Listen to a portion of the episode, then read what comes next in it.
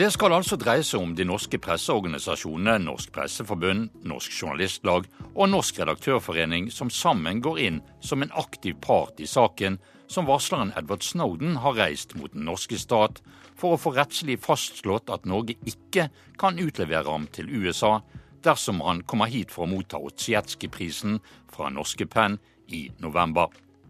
Men først, hva betyr det at Norsk Presseforbund nå har åpnet for selvstendige medieaktører som bloggere til å bli en aktiv del av det presseetiske system? Kritikerne hevder at man derved kan kjøpe troverdighet, mens mediebransjen hevder at de ikke vil ha monopol på presseetisk arbeid.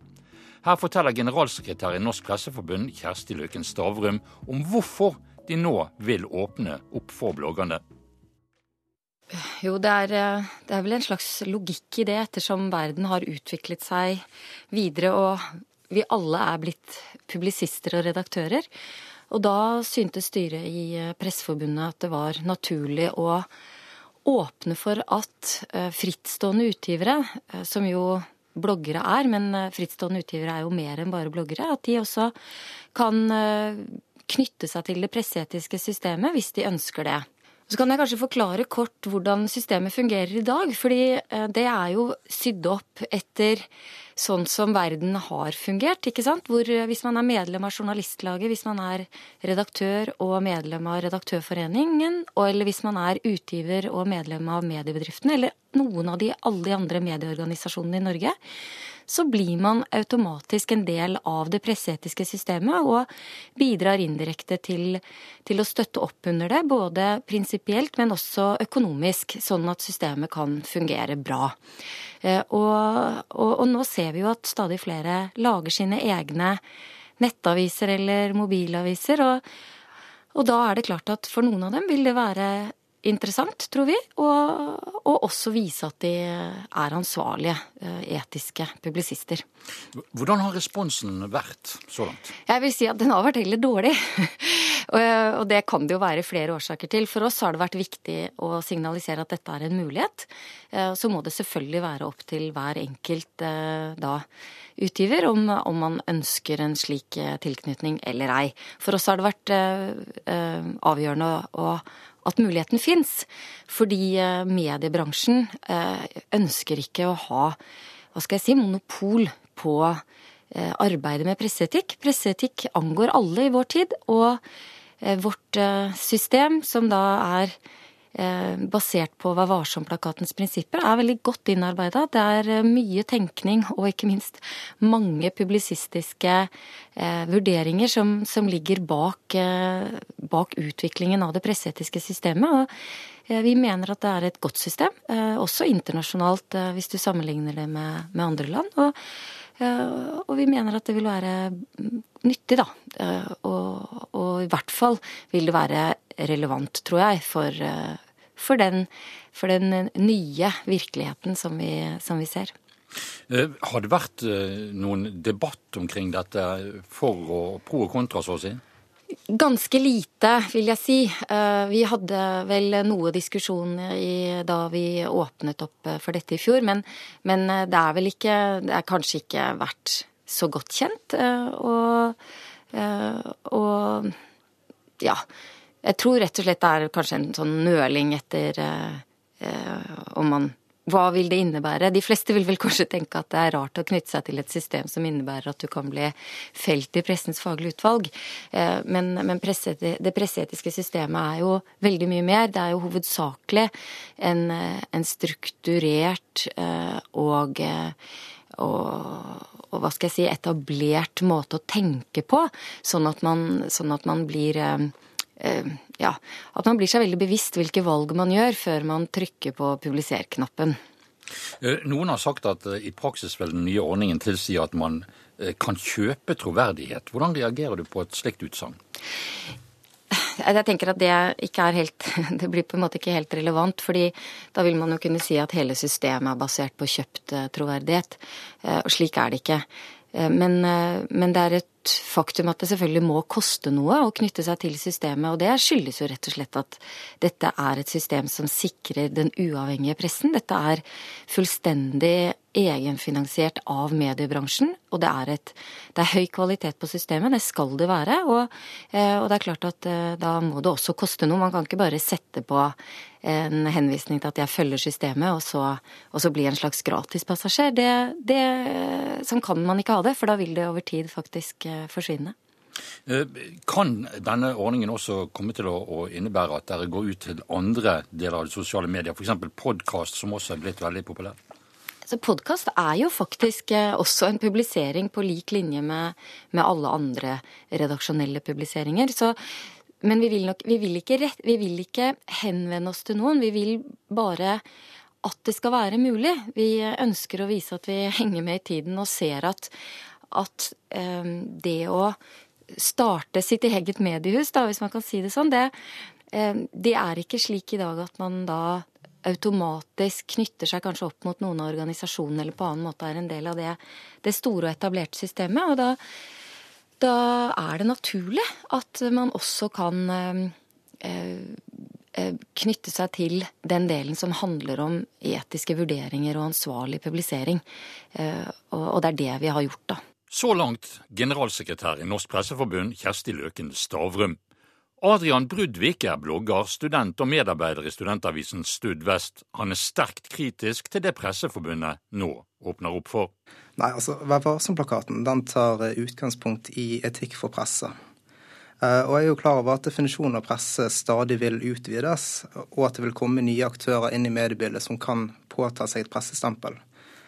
Eh, men hvis man skal følge det som står i Vær varsom-plakaten, så er blogg eh, et medie som ikke vil kunne kalles eh, pressemedie. Blant annet så står det i plakaten at det er pressen sin oppgave å beskytte svakere grupper i samfunnet fra overgrep fra offentlige instanser eller private, for den saks skyld. Det står at det er pressen sin oppgave å sørge for at ulike synspunkt kommer på trykk. Og så er det pressen sin oppgave å sette et kritisk søkelys på hvordan mediene selv velger å utfylle sine samfunnsroller. Uh, dessuten så står det også om hvordan pressen skal forholde seg til kilder, kildekritikk. Uh, og alt dette er veldig omfattende. at uh, det, det, er gjerne et fåtall av bloggere som vil kunne få bruk for det. ellers kan man også problematisere hvordan det skal fungere med et eventuell tilsvarsrett. hvis en blogger skriver noe om noen, vil den personen da ha rett til å svare på bloggen. Men dette med etikk og blogging, bør man ikke ha på en måte et slags regelverk, eller er det regulert gjennom straffeloven? Nei, altså Nå finnes jo det allerede tiltak som er foreslått for å sikre etikk blant bloggere. Eh, og jeg mener at disse er relativt eh, omfattende. Eh, Forbrukerområdet de har utarbeidet en veiledning som sier hva man kan og hva man ikke kan gjøre. Dette tar utgangspunkt i markedsføringsloven. Det blir bl.a. lagt klare restriksjoner for skjult reklame, som er en av hovedbekymringene folk har når det gjelder bloggere. Et annet poeng er jo at det i 2010 eh, ble utformet et forslag til en Vær varsom-plakat for bloggere. Eh, og denne plakaten beskrev ganske enkelt hvilke etiske plikter en blogger har. Eh, den tar utgangspunkt i at bloggere skal følge norsk lov, som er et godt utgangspunkt med tanke på markedsføringsloven. Og så skal de være ærlige og ikke selge meningene sine. Egentlig er dette forslaget veldig enkelt, men effektivt. Eh, du skriver i eh, et innlegg i Journalisten at i praksis vil den nye ordningen tilsi at man kan kjøpe troverdighet. Hva mener du med det? Altså, PFU eh, og Vær varsom-plakaten er jo merkevarer som er bygget opp over veldig lang tid. Og Vær varsom-plakaten eksisterer for å sikre en form for kredibilitet og egentlig kvalitet hos pressen. Og Derfor så tenker jeg at det kan være skadelig om hvem som helst skal få innpass, så lenge de er villige til å betale for det. Um, det må riktignok sendes en søknad, uh, men Tine Monsen er jo den eneste bloggeren som er tilknyttet Vær varsom-plakaten i dag. Uh, hun er medlem, og jeg mener at det er et prakteksempel på en person som ikke går innunder den beskrivelsen Vær varsom-plakaten gir av et pressemedie. På en annen side så er det jo ikke sikkert at bloggere tjener så mye på dette heller. fordi at denne ordningen den gjør jo ikke at man får medlemskap i Presseforbundet. Eh, og Sånn sett så tenker jeg at 7000 kroner er veldig mye å betale for et klistremerke. Eh, spesielt hvis verdien på dette klistremerket blir redusert. Eh, du argumenterer med at en blogger forholder seg ikke til avisens politikk, f.eks., og, og, og tilsvarsrett og, og slike ting som det, men har sin egen subjektive mening. Og det er nettopp denne subjektiviteten som dreper hele poenget med å slutte seg til Vær varsom-plakaten. Kan du utdype det litt? Ja, altså nå er jo blogging i stor grad et veldig subjektivt medie. Og altså, Man skriver om sine egne meninger. Uh, Vær varsom-plakaten tar utgangspunkt i objektivitet. Um, samtidig så er jeg klar over at det finnes veldig mange forskjellige typer blogger. Uh, man kan jo egentlig sitte en merkelapp på det meste. F.eks. kan man kalle noe for en forskningsblogg. Um, I min kronikk så valgte jeg å bruke Rosa-bloggerne som et eksempel, fordi at um, det er en moteblogger som foreløpig står på listen over aktører som følger uh, denne Vær varsom-plakaten. Samtidig som at dette er en generelt veldig fremtredende gruppe. Både i media i forhold til denne saken, og hvis man tar utgangspunkt i bloggtopplistene.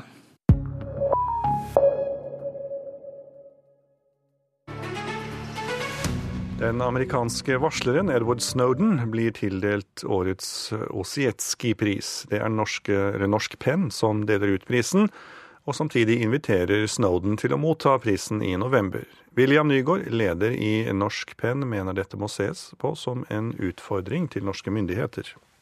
Og vi vil eh, utfordre våre myndigheter til å la ham få en garanti, en reisegaranti, fritt leide. Eh, og eh, selvfølgelig er det opp til Edward Snowden selv om han virkelig vil komme. Han er informert og vil gjerne motta prisen, men det gjenstår å se om han faktisk tar risikoen. For det er en risiko for ham ved å komme til Norge. Si Dette klippet var hentet fra NRK Alltid nyheter etter det tidligere i år ble kjent at årets Osietskij-pris går til amerikaneren Edward Snowden. Prisen blir utdelt på fengslede forfatteres dag den 15. november. Og det var leder i den norske penklubben, William Nygaard, som ble intervjuet. Men faren for at prisvinnerens stol blir stående tom under utdelingen, er stor.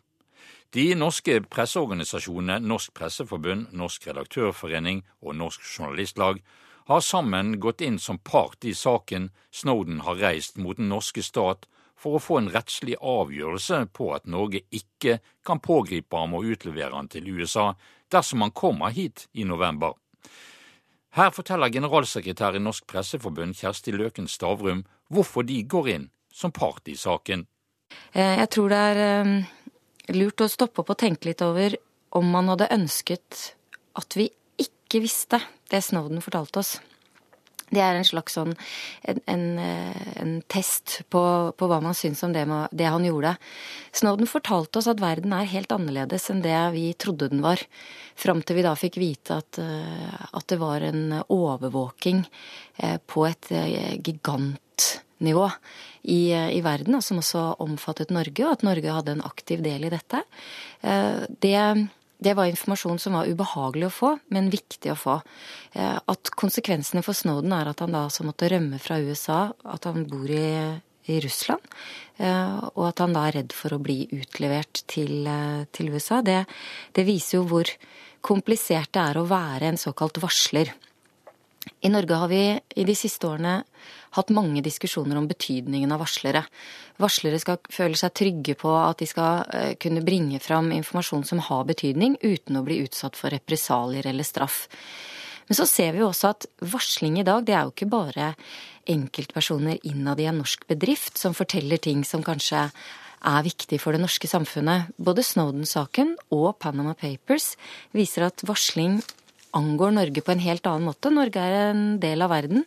Eh, norsk journalistikk er eh, også journalistikk på forhold som går utenfor landets grenser. Og det å kunne få Snowden til Norge etter en vurdering av om han faktisk trenger beskyttelse fordi han er en varsler som har fortalt oss viktige ting, og som derfor trenger en beskyttelse. Det, det, er den saken vi har engasjert oss i. Eh, nå mener jo amerikanske myndigheter at eh, det han har gjort, eh, grenser opp mot forræderi. Um, er det ikke slik at man bør ta hensyn også til andres oppfatninger, som den amerikanske stat? Det er opplagt at dette er en vanskelig sak politisk. Snowden vurderes som forræder av mange i USA. Samtidig har amerikanske domstoler også erkjente og erklærte at eh, den overvåkningen som fant sted, var ulovlig. Eh, og det er jo et stort amerikansk dilemma i seg selv. Men Eh, vi mener ikke mer enn at Snowden bør kunne komme til Norge og motta en pris, og så reise ut igjen uten å risikere å bli pågrepet og utlevert til USA. Hvordan praktisk er det dere støtter Snowden i, i, i denne saken? Presseforbundet sammen med Norsk Journalistlag og Norsk Redaktørforening, vi er da blitt partshjelpere Eh, slik som eh, Norsk Penn også er. Og det vil si at vi, vi har en sånn anledning innenfor eh, rettssystemet som gjør at man kan engasjere seg i saker som bringer opp problemstillinger man selv mener seg berørt av eller ønsker å få lagt trøkk på, hvis jeg kan si det sånn. Og Snowden-saken vil, vil blant annet belyse betydningen av retten til informasjon eh, og, og, og retten til kildevern eh, på måter som, som, angår oss presseorganisasjoner i aller høy grad. Aller høy grad fordi det vil Eh, være viktig for eh, eh, norsk journalistikk hva som skjer i saken Snowden har anlagt mot den norske stat. Staten har nå bedt retten avvise denne saken og begrunner overfor NTB at dette med at spørsmålet om utlevering ikke hører hjemme i sivile saker. Tror dere likevel at den vil bli tatt opp? Ja, vi håper det. Eh, selvfølgelig fordi den, eh, fordi den er så prinsipielt viktig, og den er historisk veldig viktig. Eh, og det vil være synd, hvis jeg kan bruke et ganske svakt uttrykk, hvis, hvis Ossetskij-prisen blir delt ut i år til en tom stol.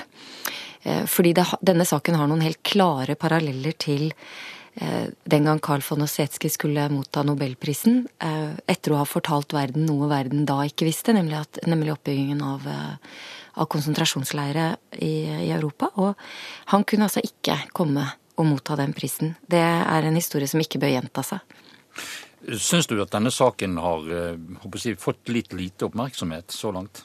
Det er så vanskelig å vurdere oppmerksomhet rundt saker i vår tid, men, men Eh, hvis du spør meg, så, så, ønsker jeg at den skal få stor oppmerksomhet. Fordi det er viktig at man tenker gjennom hver og en av oss. Hva syns vi om at vi får informasjon som angår oss alle, som forteller oss ting vi ikke visste?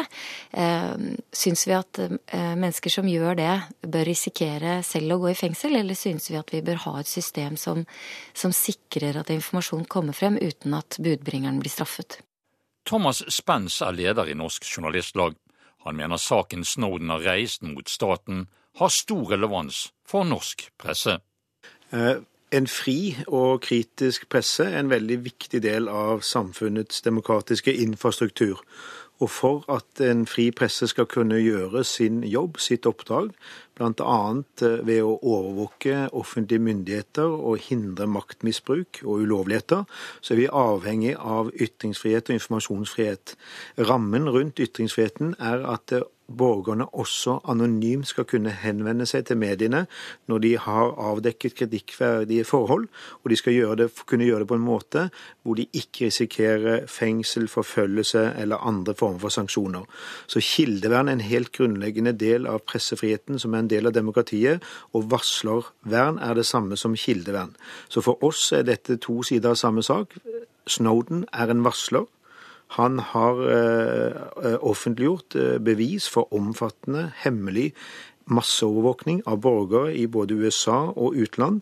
Og som sådan så har han eh, opptrådt som varsler, og fortjener og, og bør ha det vern som varslere skal ha. Og For å gi den støtten så går dere sammen med Redaktørforeningen og Norsk Presseforbund inn som en slags part i saken mot den norske stat, hvis da tingretten godtar at denne saken kommer opp? Ja, det er riktig. Eh, alle våre organisasjoner har eh, vern om ytringsfriheten som et av våre viktigste formål. Der står vi 100 sammen. Eh, og Derfor er det også viktig at vi står sammen for å fortelle både norske myndigheter og norsk offentlighet om denne saken, og for at Snowden skal få den garantien som gjør at han kan komme og hente den meget attraktive, høythengende Osietskij-prisen, og for å hindre at fremtidige varslere blir utsatt for samme sanksjoner og forsøk på straffeforfølging som, som Snowden er utsatt for. Så Hvilken symboleffekt vil dette få hvis dere eh, får kjennelse i retten som går deres vei? Det vil ha en enorm eh, stor betydning, fordi varslervern er en internasjonal sak. Eh, både, i, eh, både norske organisasjoner og internasjonale organer har i nokså lang tid nå forsøkt å bedre varslervernet. Og FNs spesialreparatør for ytringsfrihet, David Kay, var på et seminar i Norge tidligere i vinter og holdt også et innlegg om temaet elektronisk overvåkning, og hvordan det i dag utgjør en av de største truslene mot pressefrihet. Så det vil ha enorm betydning om vi klarer å få aksept for også hos norske myndigheter via domstolene for at Snowden er en legitim varsler. Han forsøkte å gå fram tjenestevei. Han henvendte seg til frie, ansvarlige medier for å avdekke et massivt brudd på menneskerettighetene. Eh, men i USA så er det et litt mer nyansert syn på, på hans innsats? Ja, altså han har jo en veldig alvorlig spionasjeanklage hengende over seg. Men så er det jo også slik at eh, USA er en rettsstat, som Norge er en rettsstat. Men en rettsstat er ikke noe et presist begrep eh, som er definert en gang for alle. Og USA har i denne sammenheng svakere vern av ytringsfriheten enn Norge har. Og vi mener at Snowden, som nå er i Europa og som ønsker å dra til Norge, han skal behandles etter norske lover, hvor ytringsfriheten står høyere enn det gjør i amerikansk rett, og hvor den ikke vil bli tillagt vekt i såpass alvorlige saker som spionasjeanklager innebærer. Eh, når får man vite hvorvidt denne saken kommer opp for retten? Eh, så snart som mulig, håper vi, men det er jo rettens kvern som bestemmer det. Eh, nå er saken inne for domstolene, og staten har sendt sitt svar og ønsker saken forkastet. Vi ønsker jo at denne skal behandles snarest mulig, og at det skal gjøre det mulig for Snowden å komme til Norge, motta prisen, fortelle hva som har skjedd, og kunne reise ut igjen uten fare for å bli utlevert til USA. Hvorfor tror du at staten vil ha denne saken avvist?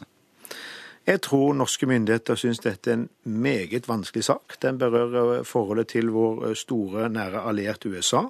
Den berører viktige prinsipper om ytringsfrihet. Og i dette tilfellet her så er det en kollisjon mellom lojalitet til en alliansepartner og vern av ytringsfriheten. Og i den eh, kollisjonen det, så tror jeg disse, vår regjering i dag, eh, som for så vidt også den forrige, nok heller vil la være å ta stilling til saken hvis de kan, enn å måtte velge side. Hvor viktig er det at eh, de tre presseorganisasjonene står eh, samlet omkring dette kravet? Ja, Det vil skape stor oppmerksomhet blant, eh, våre, blant, våre, medlemmer og alle som følger med, interessert i og engasjert i ytringsfrihet og informasjonsfrihet i det norske samfunn. Dette berører jo veldig viktige eh, prinsipper, men hvor, hvor, viktig er det at man får en, en, en avgjørelse på dette? Det er viktig fordi Snowden sitter jo nå på tredje året i Moskva og vet ikke eh, hvordan hans sak vil ende. Eh, han er i våre øyne en legitim varsler. Han fortjener derfor det vernet som varsler skal ha, når de på etter fullt bestemte prosedyrer eh, varsler offentligheten om ulovlige kritikkverdige forhold. Og da må ikke han bli straffet ved å ha en spionasjeanklage hengende over USA og sitte i Moskva på eh, ubestemt tid og uten å kunne vite hva hans fremtid skal være. Det er en tøff straff som han allerede bærer. Og det må vi bidra så langt vi kan til å avlaste han for. fordi dette vil jo være et skremmeskudd for de mange menn og kvinner rundt omkring i verden som i dag sitter med informasjon og lurer på om de skal venne seg til mediene for å få fram kritikkverdige forhold.